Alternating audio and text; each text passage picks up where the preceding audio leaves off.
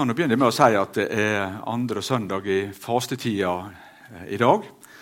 Og Fastetida den har vært fra gammelt av og skal vel egentlig være ei, ei botstid. Ei tid for å tenke på forholdet vårt til Jesus, eh, forholdet vårt til Gud. Hvordan er det mellom meg og Han? Og bot det betyr jo kort og godt eh, omvendelse, egentlig. Det er å vende seg i anger fra sine synder, og så snu seg og vende seg til evangeliet om Jesus og ta imot hans frelse i tru og tillit. Så Det skal vi tenke på når vi tenker på ordet bot. Eh, dagens tekst den står i profeten Jesaja i kapittel 55 og de sju første versene. Før oss leser, så skal vi fortsette med å be sammen. Eh, kjære Herre Jesus, takk at du er god, og din miskunn den varer til evig tid. Og Takk at du viser det mot oss også når vi får høre ordet ditt og åpne Bibelen vår, og vite det at da er det du som kommer til oss, Jesus. Og Nå kjenner du oss hver enkelt i denne stunden altså her, og du vet hvor jeg har det, og hvor oss har det. Og så ber jeg om at du kommer til oss og møter oss og taler inn i livet vårt, der som oss er hver enkelt. Vi ber om din gode Hellige Ånd både til å tale og til å høre Jesus nå. Amen. Isaiah 55, og fra vers 1. Og alle det som tørster, kom til vatna, og det som ingen penger har, kom, kjøp og et. Ja, kom og kjøp uten penger og uten betaling vin og mjølk. Hvorfor veg du ut penger for det som ikke er brød, og løna dykka for det som ikke kan mette? Hør på meg, så skal de ete det gode, og sjela dykkar skal glede seg over feite retter. Vend øyra hit og kom til meg. Hør, så skal dykkar sjel leve. Og eg vil gjøre ei evig pakt med dykk, og gi dykk Davids rike nåde, den usvikelige. Sjå, eg har sett han til eit vitne for folkeslag, til ein første og ein herskar over folkeslag. Sjå, folk du ikke kjenner, skal du kalle på. Heidningfolk som ikke kjenner deg, skal springe til deg, for Herren din Guds skyld og for Israels hellige skyld, for Han herliger deg. Søk Herren medan Han er å finne. Kall på Han den stund Han er nær. Den gudløse må forlate vegen sin og den urettferdige tankene sine og vende om til Herren. Så skal Han miskunne seg over Han, og til vår Gud, for Han vil gjerne tilgi alt. Jeg snakker om fastetida som ei tid for bot og ei tid for omvendelse. Og I eh, år er det 499 år siden en mann som heter Martin Luther, spikra opp 95 setninger på ei kirkedør i Wittenberg. Eh, neste år er det 500-årsjubileum for reformasjonen, og den er regna ifra denne dagen når han spikra fast disse setningene på kirkedøra. Det har vi hørt om de aller fleste av oss. Eh, men hva var det som sto på disse setningene? Ja, Den første den lyder slik. Første tese. Når vår Herre, Jesus, når vår Herre og Mester Jesus Kristus sier gir bot', så vil han at hele livet til de truende skal være ei bot, sier Luther.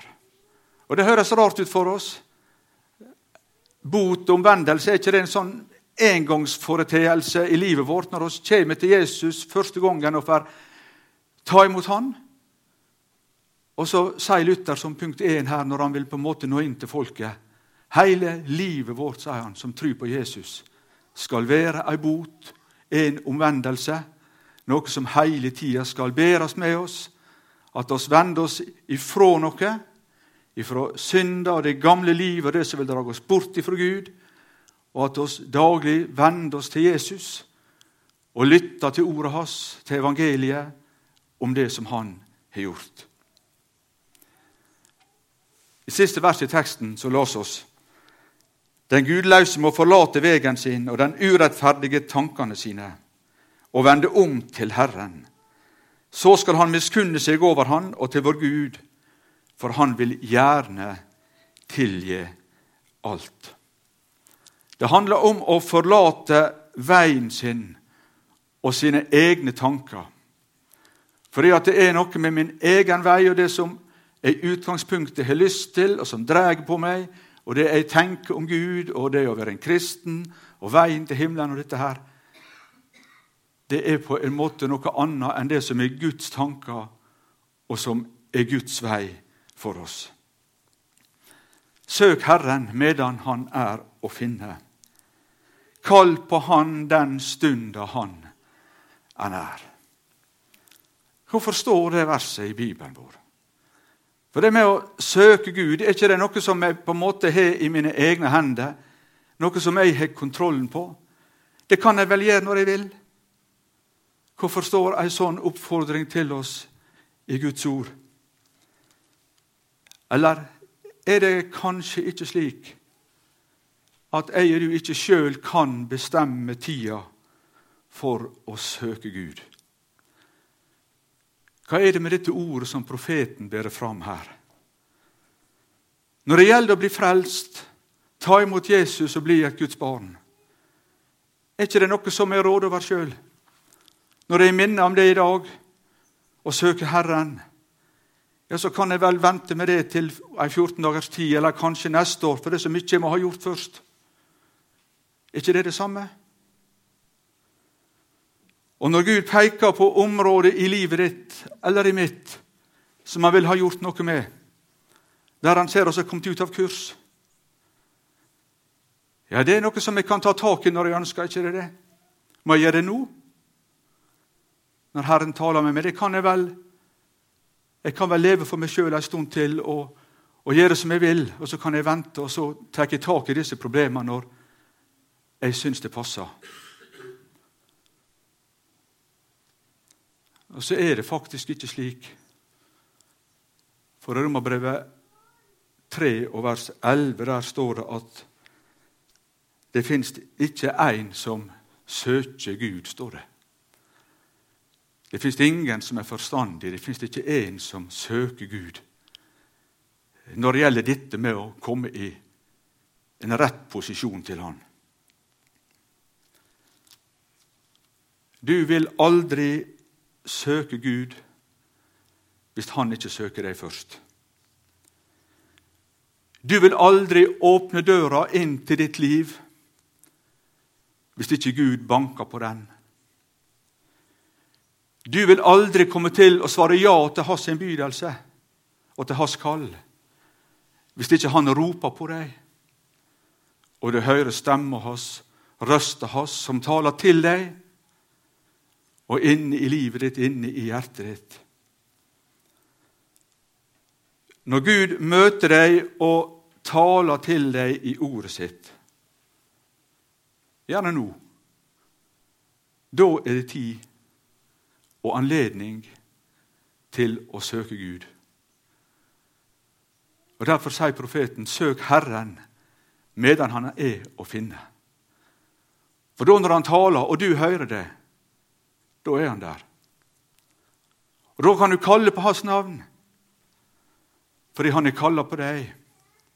Og du har hørt hans stemme, og han er rørt ved livet ditt og hjertet ditt. Jeg tror, ikke bare tror, jeg ser i Guds ord, at det er tider i livet vårt da Herren på en særlig måte vil det noe, vil oss noe, vil ha tak i deg. Det kan være spesielle situasjoner der han vil ha oss inn i tjeneste eller inn i et område der han vil styre og lede. Det kan være ting som er gått galt, at du er kommet ut av kurs, ting som må korrigeres. Da er det noen slike tider da han taler og møter deg og meg. Og Da er det så viktig å ikke tenke at dette kan jeg ta tak i seinere. Det kommer alltid en mulighet da det passer meg bedre. Nei, da er tida der til å søke Herren og til å kalle på Hans navn. Han er å finne når ordet hans berører deg, taler til deg inn i livet ditt.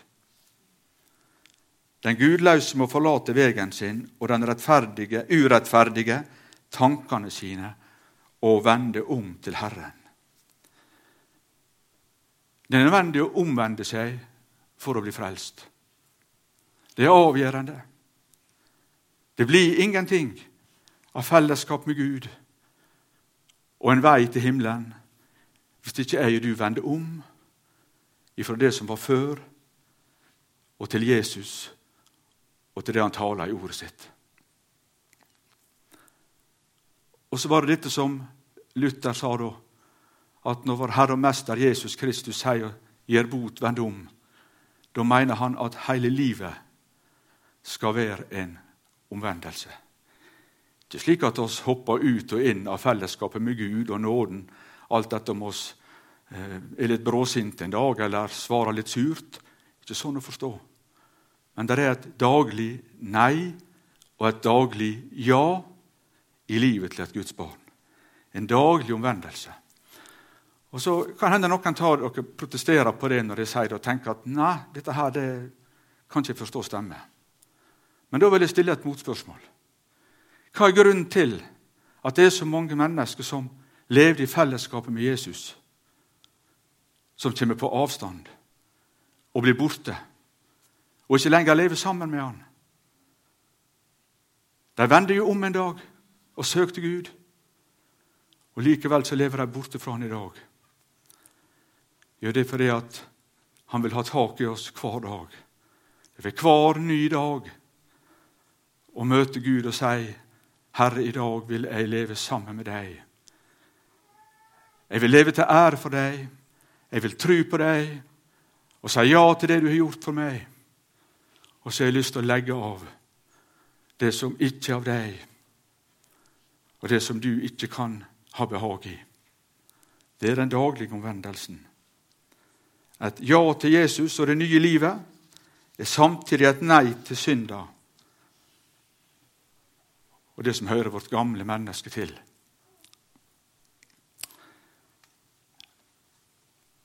Ingen kan leve uten vann. Tørke og eh, mangel på vann er ukjent for oss her, men av og til ser oss slike bilder. Og Noen har kanskje vært i områder i verden der det ser slik ut. For meg er det helt ukjent her på Sunnmøre og på Emlem. Eh, kan ikke sette meg inn i det, for her i Norge her renner vannet fritt i fosser og elver og i stryk. Få neste bilde du, Jon Ove. Og slik er vi vant med det. Det er alltid rikelig. Og Derfor er det så vanskelig å sette oss inn i dette bildet som han bruker når han sier her og alle det som tørster, kom til vatna. Brønnen hjemme på Auregarden den er aldri vært tom i mine levende dager, selv om det var aldri så tørt og lite nedbør. Den er alltid nesten helt full, samme hvor tørt det er. Jeg har aldri trengt å bekymre meg for det. Og Derfor er det så vanskelig å, å sette seg inn i situasjonen disse her som ber på vasskanna, må gå langt for å hente for å klare å på en måte ha nok til å drikke. Og de kan ikke ødsle med vannet. Her så bare skrur oss opp kranen, og så fosser det opp i glasset vårt, og oss kan drikke og ta til oss. ikke sant? Um, men i Bibelens virkelighet og i Israel og i Midtøsten, der de kjente disse forholdene, der skjønte de med en gang hva profeten talte om. Og alle de som tørster, kom til vatna. Og det som ingen penger har, kom, kjøp og et. Kom og kjøp uten penger og uten betaling vin og mjølk, sier profeten. Bibelen bruker dette med vann og tyste og mangel på det som et bilde på det som og du mangler og ikke kan skaffe oss sjøl, men bare få av Gud.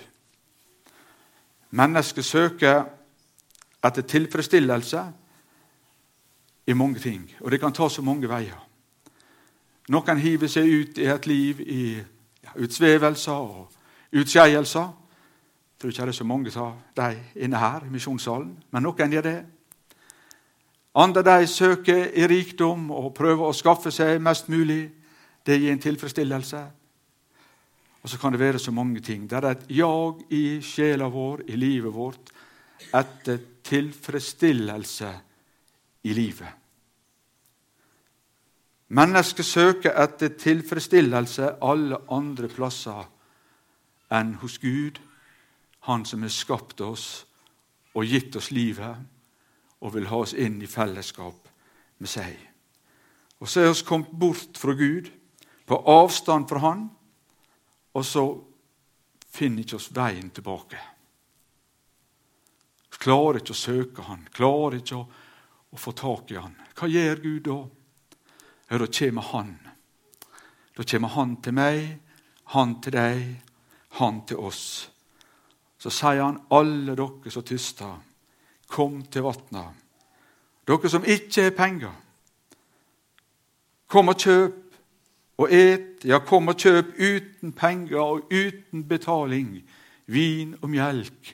Og skjønne bilder da det er den kosten som var den store kosten på den tida. ikke sant? Festmåltidet, rikelig, mer enn nok til alt, ei overflod, uten å måtte bekymre seg, for det er rikelig. Slik er det når Gud inviterer.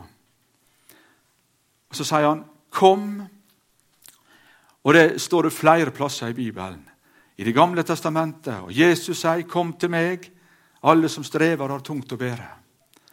Og Når han sier 'kom', da vitner det alltid om en åpna vei. Da står dørene hos Gud på vidt gap. Eh, det er en invitasjon. Det taler alltid om noe som er ferdig, og som er ordna og som er for deg og for meg som hører dette her. Og så er det ei adresse. Hvem det var til? Ja, det var alle det som tysta. Og dere som ikke har noe å betale med, klarer å utveie det som skal til, dere skal få lov til å komme. Den som tyster. Og så sier Jesus i bergpreika si i Matteus 5 og vers 6 at særlig er de som hungrer og tyster etter rettferda, for det skal verte metta, sier han. Det er en lengt og en hunger i hjertet og i sjela. Og så er det et merkelig ord, for å skulle tenke det at det er jo den som har hungra og tøsta, og så på en måte er blitt mett og fornøyd, som skulle være salig. Men så sier Jesus det er den som higer, det er den som hungrer og lengter, og som strekker seg etter Han og hans rettferd. Han er salig, sier han. Han skal bli metta. Og I Salme 42 og vers 2 der står et ord. Slik som hjorten skriker etter rennende bekker, slik skriker de sjel etter meg, Gud. Og skjønner bildet. Det er en lengt, noen som strekker hendene, som beveger seg fram. Og så kommer Herren oss i møte, og så sier han, 'Kom, kom. Her er alt, alt ferdig.' Eh, er du mett, eller er du blant de som svelter, som lengter, som tyster? Har du behov i møte med Gud? Eller er du uten behov? Når du ber og har en stund der du skal være sammen med Gud eh, Hvis han da spør deg ja, hva, hva vil du? Og Så tenker jeg meg sjøl ofte når jeg har min daglige stund sånn Nei, jeg skulle nå bare be og ha en stund. Og så er på en måte hjertet mett, oppfylt og fornøyd. Da sier Jesus, 'Vend om, gjør bot'. Eh, legg av alt som er ditt eget, så kom til meg. Søk meg, kall på meg. Eh, hvorfor kom du hit i dag? Øyvind sporer som det.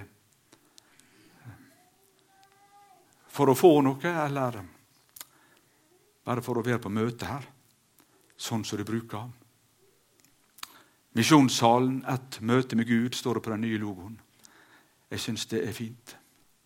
Et møte med Gud, et møte med Jesus. Så gjelder det å ha et hjerte som er, er retta på det. Og det som ingen penger har, kom, kjøp og et. Kom og kjøp uten penger og uten betaling vin og melk. Det høres så lett ut å ta imot for ingenting. Gratis. Men paradoksalt nok det koster altså å ta imot for ingenting. For det er Jeg vil så nødig legge fra meg det jeg kan bidra med, og så måtte få alt.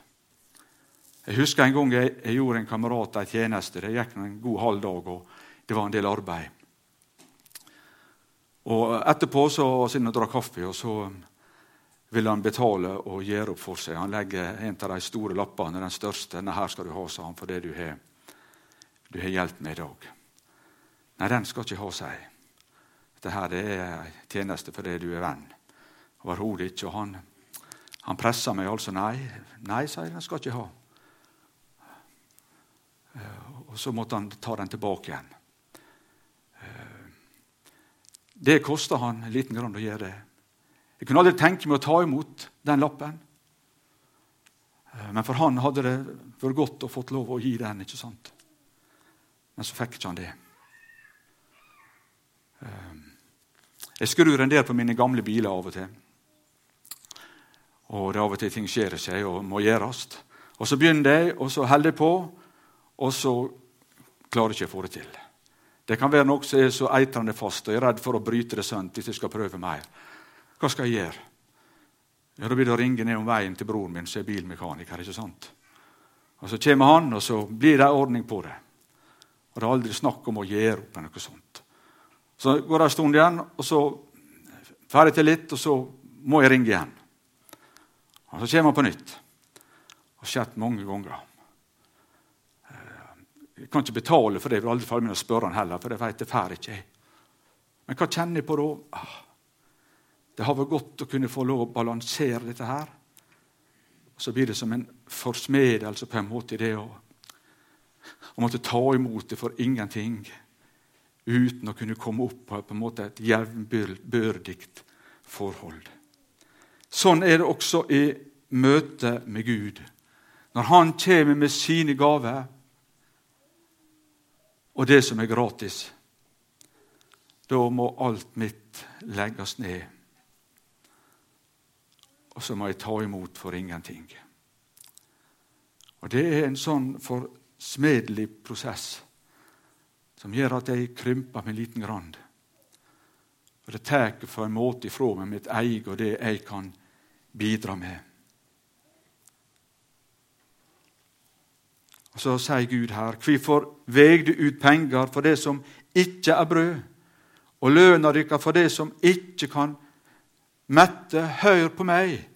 Det er nesten som en, en fortvilelse hos Gud og et nødrop. Hvorfor bruker dere krefter? Hvorfor søker dere? Hvorfor gjør dere alle disse tingene?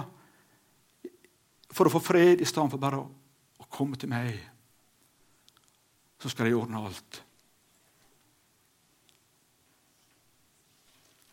Mange tenker slik at ja, jeg gjør jeg så godt jeg kan. De tenker kanskje ikke sånn, men i praksis så blir det likevel slik at det er ikke så aldeles galt med meg. og Jeg har mye å bidra med.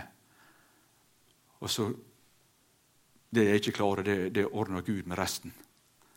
Han stiller opp med det som står igjen på dette stykket som skal gjøres. Nei, han vil ha ære alene. Ingenting av mitt og vårt holder mål der. Og så jeg snakka om denne tjenesten som jeg gjorde kameraten min, og, og bilen der jeg får hjelp. Og så halter alle disse bildene. For disse bildene av jordiske forhold så kunne han betalt meg, ikke sant? så det ble en sånn jevnbyrdighet. Og jeg kunne ordne opp med broren min slik at jeg ikke følte at jeg gikk og var skyldig noe. Men i, i, i møte med Gud, når Han sier 'kom' uten betaling, der er det aldri mulig å få et sånt balanseforhold. For forskjellen er så enorm mellom det som Gud krever og samtidig har å gi, og så det som er ressursene i mitt liv. i Guds rike og i forholdet til Gud og frelsa, så er det slik at den som vil betale, yte eller gjøre, han blir for alltid stående utafor og må klare seg sjøl og stå på egne bein i møte med Gud. Men den som vil ha alt for ingenting, legge ned sitt eget og bare ta imot. Han har all Guds frelse, nåde og tilgivelse og salighet i samme øyeblikk. Så mitt ramler ned, og det som Jesus er, flytter inn i mitt sitt liv og i ditt sitt liv.